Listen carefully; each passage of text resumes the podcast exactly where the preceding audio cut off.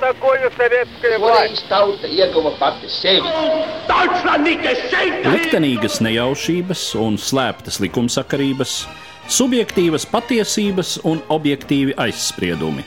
Pēc atkušņa nekad nenāk uzreiz pavasars, bet sākās Arī šodien cilvēki ir ļoti tuvredzīgi. Viņi redz to naudu, kas ir. Televīzijā jau pamatā notiek cīņa par varu. Pagātne no šodienas skatu punkta un šodienas caur pagātnes prizmu. Raidījumā šīs dienas acīm. Katru svētdienu Latvijas radio eterā Eduards Liniņš. Labdien, cienījamie klausītāji! Šodien mēs turpinām mūsu sarunu par Izraēlas un palestīniešu konfliktu. Mans sarunbiedrs šodien studijā atkal ir muzeja ebreju Latvijā vadītājs Ilja Lenskis. Labdien! Labdien! Mūsu iepriekšējā sarunā mēs tikām lielās līnijās līdz pagājušā gadsimta beigām, kad, jāsaka, valdīja salīdzinoši, es teiktu, varbūt visoptimistiskākā gaisotne.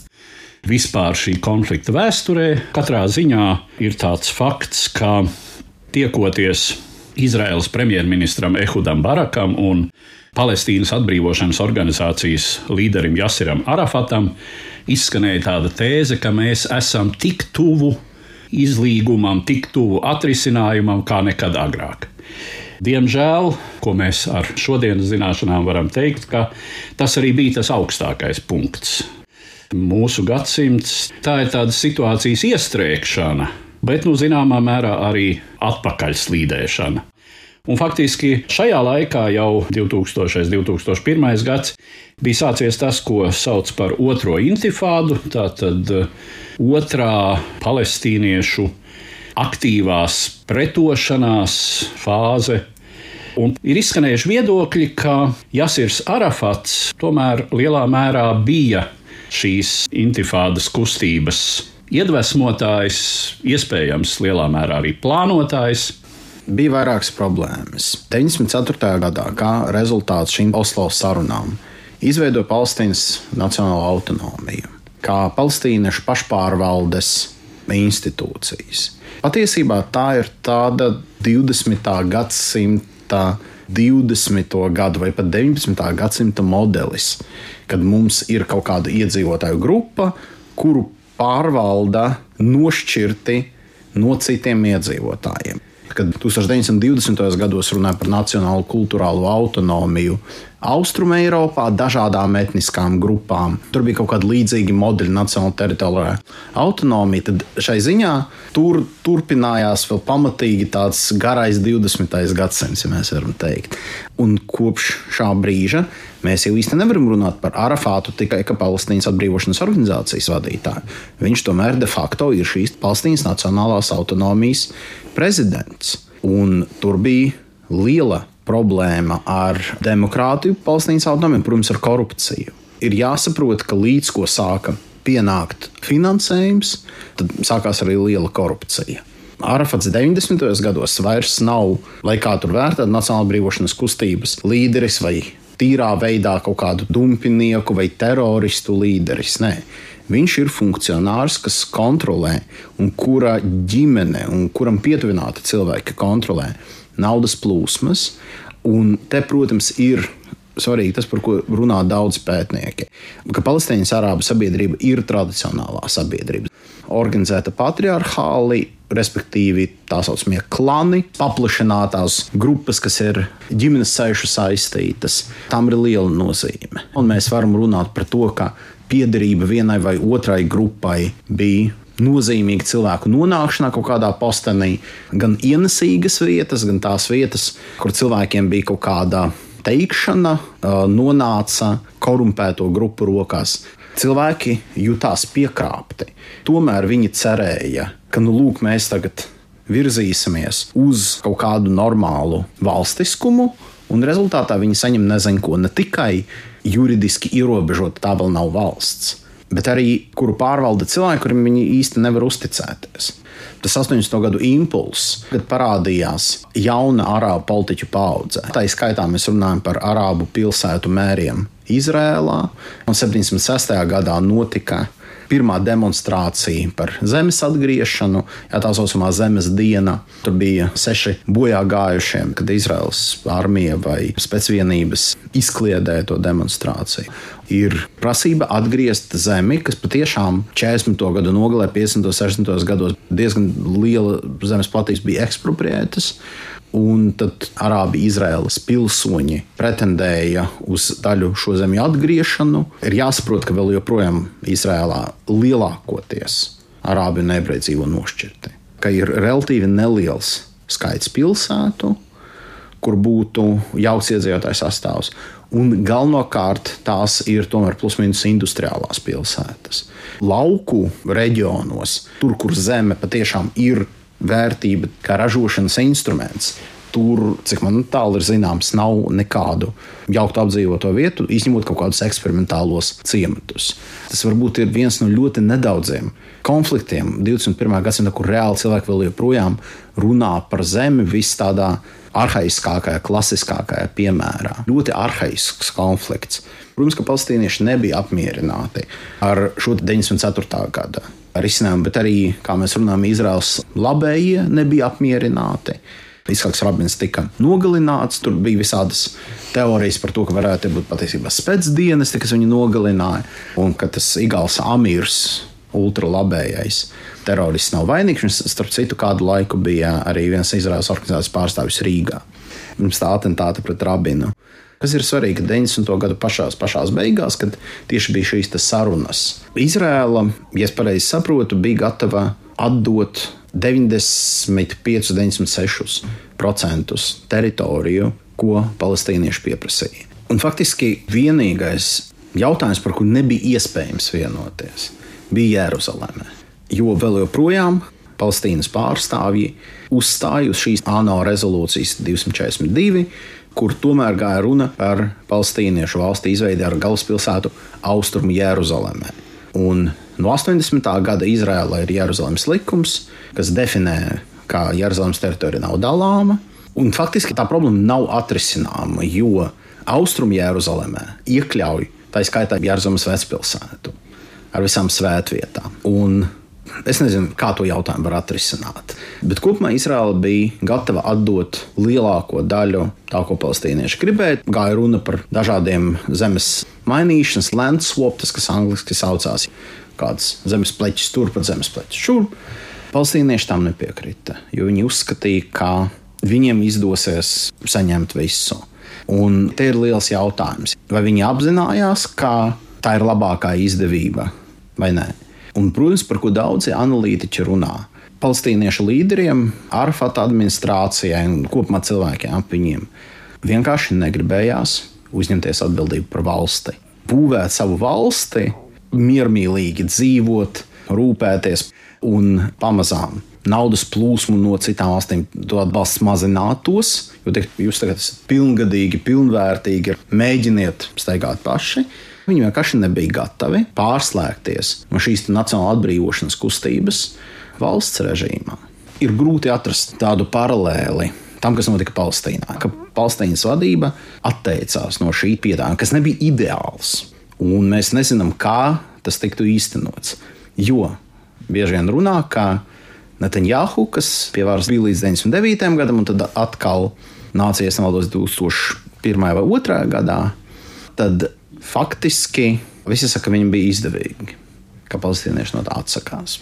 Līdz pat 2005. gadam turpinās šī otrā intifāda. Salīdzinot ar pirmo intifādu 90.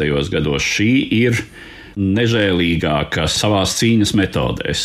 Tiek daudz plašāk izvērsti terorakti. Tā skaitā parādās teroristi pašnāvnieki. Raķešu apšaudes, mīnmetēju apšaudes.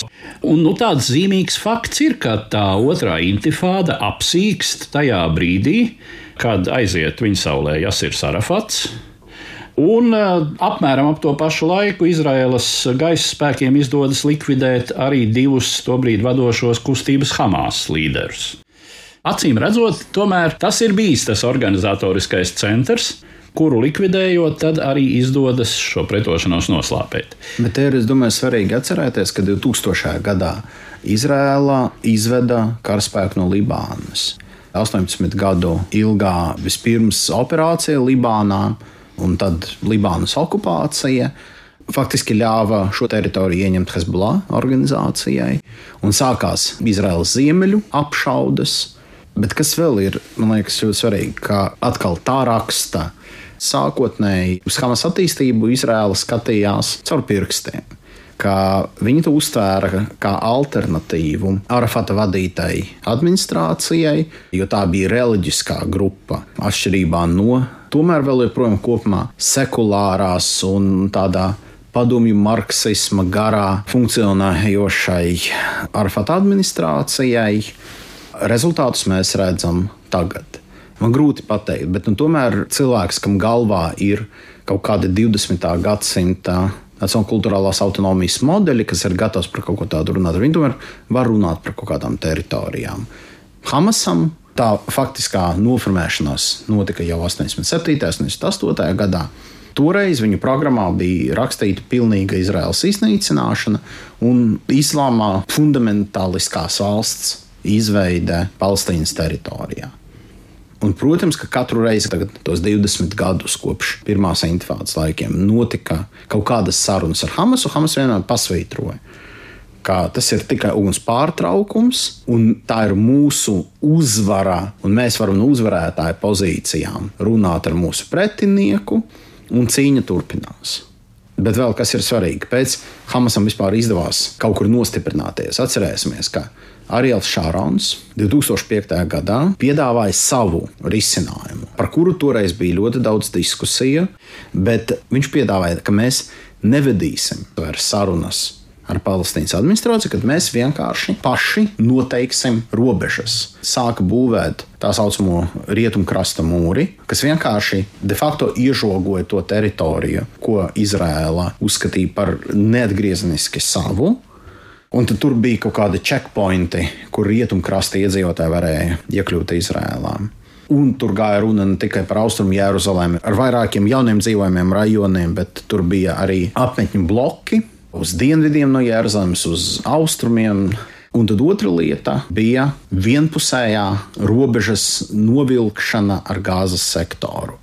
Kas nozīmē, Gāzes sektorā uz to brīdi bija tā saucamais guškatīf, respektīvi ebreju apmetņu bloki nebija nekādas robežas starp Izraēlu un Gāzes sektoru. 80. gados Gāzes arābi mierīgi strādāja Izrēlā. Izrēlieši mierīgi brauca uz Gāzu iepirkties. Un tur bija vairāki ebreju ciematu bloki. Tā skaitā tur bija apmetušies tie cilvēki, kas 82. gadā pārcēlās no Sinaja pussalas, kad to atgrieza Eģiptei. Uz to brīdi jau bija teiksim, Izraēlas kurorta pilsēta Jamita, kas tika nopostīta, un tad attiecīgi tie cilvēki pārcēlās to guškatīvu bloku. Šārons saka, mēs likvidējam guškatīvu. Mēs pilnībā izējām no gāzes, lai viņi tur dzīvo kā grib. Mēs vienkārši atsakāmies no jebkādas atbildības par gāzu. Tas izraisa milzīgu šķelšanos Izraēlas sabiedrībā. Daudziem atmiņā ir kadri, kad Izraēlas karavīri velk aiz rokām šo ciematu iedzīvotājus, brauc cilvēki no citiem Izraēlas reģioniem, lai nedot iespēju izraidīt cilvēkus no Guškatīva. Patiešām tā ir milzīgā krīze. Šārons saka, nē, es zinu, ka tam tā ir jānotiek noteiktās reliģiskās grupās pret viņu vērš pat lāstus. Un tad ļoti populāri internetā ir rakstīt par to, ka tieši šo lāstu rezultātā viņam pēc diezgan īsa laika notiek insults, man liekas, vai trieka. Tad viņš pavada vēl daudzus gadus vegetācijas stāvoklī. Un pēc tam Gāzā notiek vēlēšanas. Vēlēšanās uzvar Hamas. Nu, faktiski Hamas jau uzvar vēlēšanās visā Palestīnas, visā autonomijā. Palestīnas autonomijā. Tas bija pēdējās vēlēšanas Palestīnas autonomijā. Par Hamas uzreiz visiem bija aizdomas, ka viņi kopā neplāno funkcionēt kā normāla politiskā partija, ka viņiem nav mērķa pēc cik tur gadiem nodot varu, teiksim, ja viņi zaudē vēlēšanas. Tad sākas konflikts starp Hamas un organizāciju Fatah kas faktiski ir plus-mínus jaunais nosaukums Palestīnas atbrīvošanas organizācijai. Tas viss beidzas ar to, ka Fatah pārstāvjus no Gāzes izspiež, daļēji noslepkavo, un tā skaitā tur stāsta par kaut kādiem ārkārtīgi nežēlīgiem, ka viņus tur meta no, no augstceltnēm. Un kopš šī brīža Gazu kontrolē Hamas kustība. Un savukārt Izraela ievieš Gazas daļai blokādi. Viņi saka, klau, to tagad kontrolē kustība, kuras programmā ir ierakstīts, ka viņi mūs grib iznīcināt. Viņi ir jau daudzkārt pret mums vērsušies militāri.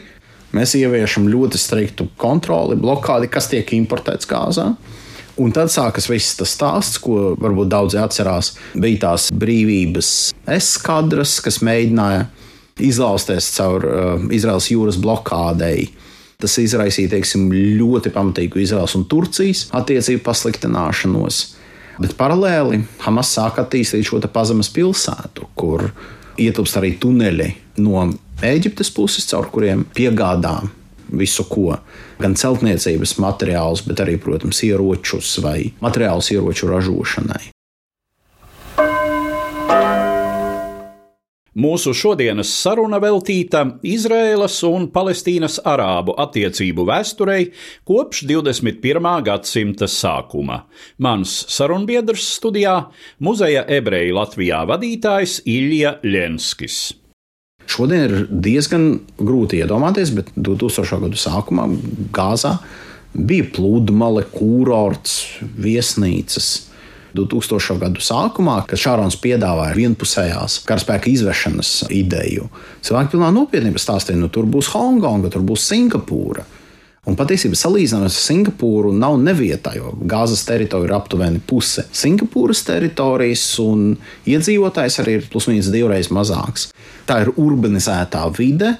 Stratēģiski, geogrāfiski ļoti Izde- izdevīgā izdevīgā vietā. vietā ir ārkārtīgi daudz cilvēku, kas vēlas to atbalstīt, bet nu, rezultātā sanāca, ka vienkārši Hamas pārvērt to par tādu ielenktu cietoksni, kuras vienīgā funkcija ir karot pret Izrēlu.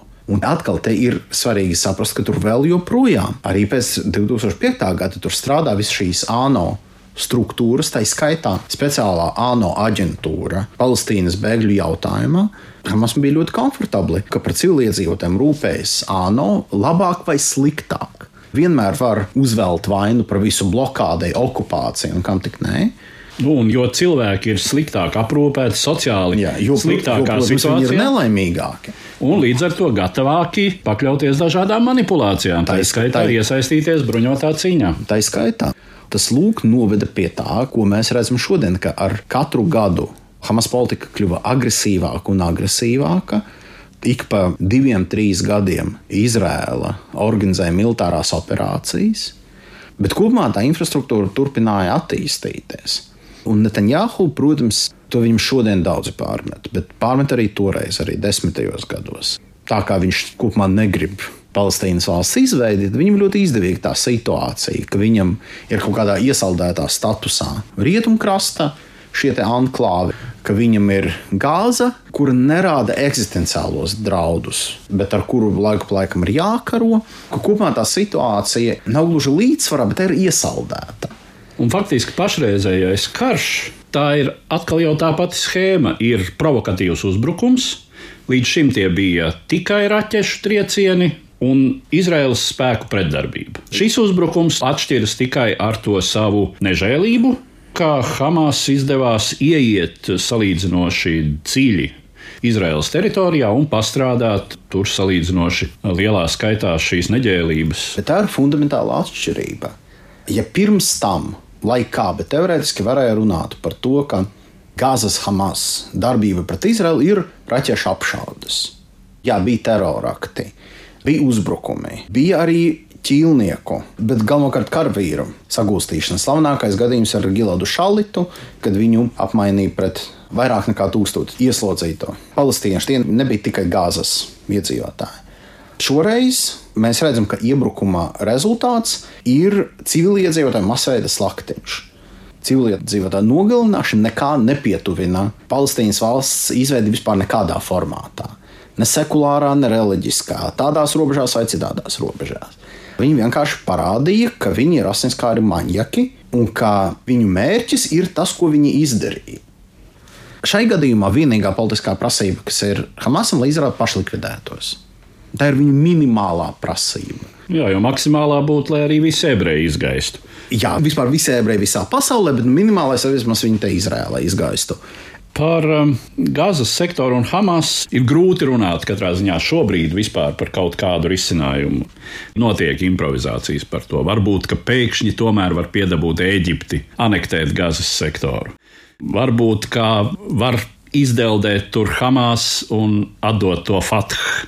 Vakar lasīju kādu interviju, kur viens no Fatah līderiem teica, ka Fatah nav gatavs runāt par Gāzes sektoru bez vispārējā jautājuma atrisināšanu ar rietumkrastu un austrumu Jeruzalemi. Jā, šis rietumkrasta jautājums. No vienas puses, tur asiņu ir bijis daudz mazāk. Fatah vismaz atzīst Izraēlas valsts tiesības uz eksistenci. Nu, Līdz tad, ar nagiem, bet nu, atzīst. Protams, šis ebreju apmetņu jautājums Jordānas rietumkrastā.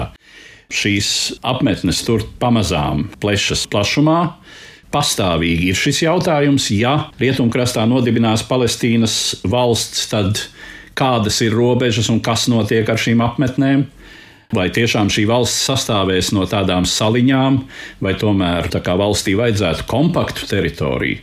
Vēl 2000. gadu sākumā nu, ir runa, ka teiksim, 95, 96, 8% kā nu kurā variantā no Jordānas rietumkrasta vajadzētu nonākt palestīniešu pārvaldē tad jo vairāk tur šo apmetņu, jo problemātiskāk tur šādu teritoriju izveidot. Bija vēl arī visādi interesanti varianti, ko piedāvā daži Izraels politiķi, ka Izraela patur lielu daļu apmetņu kā tādus blokus, bet iedala Palestīnai atdot daļu Izraels teritorijas, kur ir galvenokārt arābu pilsētas. Tā saucamais trīs stūris, Rumelfahm pilsēta un tur vēl vairākām citām ko Izraela 49. gadā pamiera rezultātā, viņiem to vajadzēja strateģisku apsvērumu dēļ.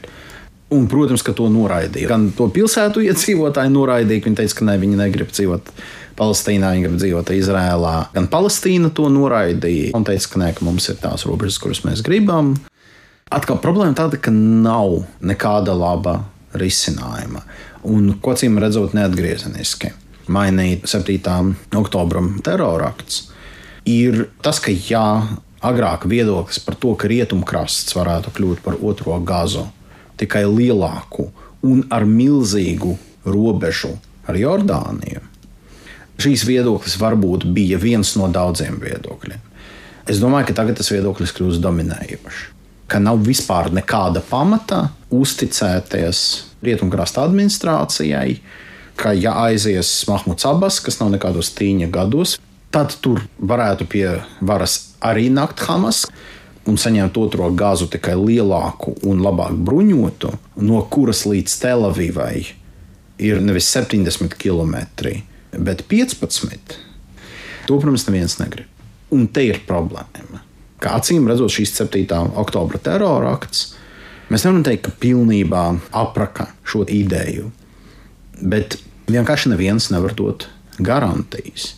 Un cilvēki teiks, ka vienīgais, kas traucē tagad rietumkrasta iedzīvotājiem atkārtot šo scenāriju, tikai tas, ka tur ir liels skaits šo apmetņu un ka tur tomēr ir stacionēta Izraels karaspēks. Te ir ļoti svarīgi, ka faktiski ANO, kurai pēc idejas ir jābūt tai struktūrai, kas kaut kā risina jautājumu. No vienas puses, mēs zinām, ka tā ir pilnībā nostājusies šai gadījumā pat ne Palestīnas, bet Hamas pusē, ņemot vērā ģenerālsekretāra Guķēreša izteikums, protams, tas nenotika vakumā un tā tālāk.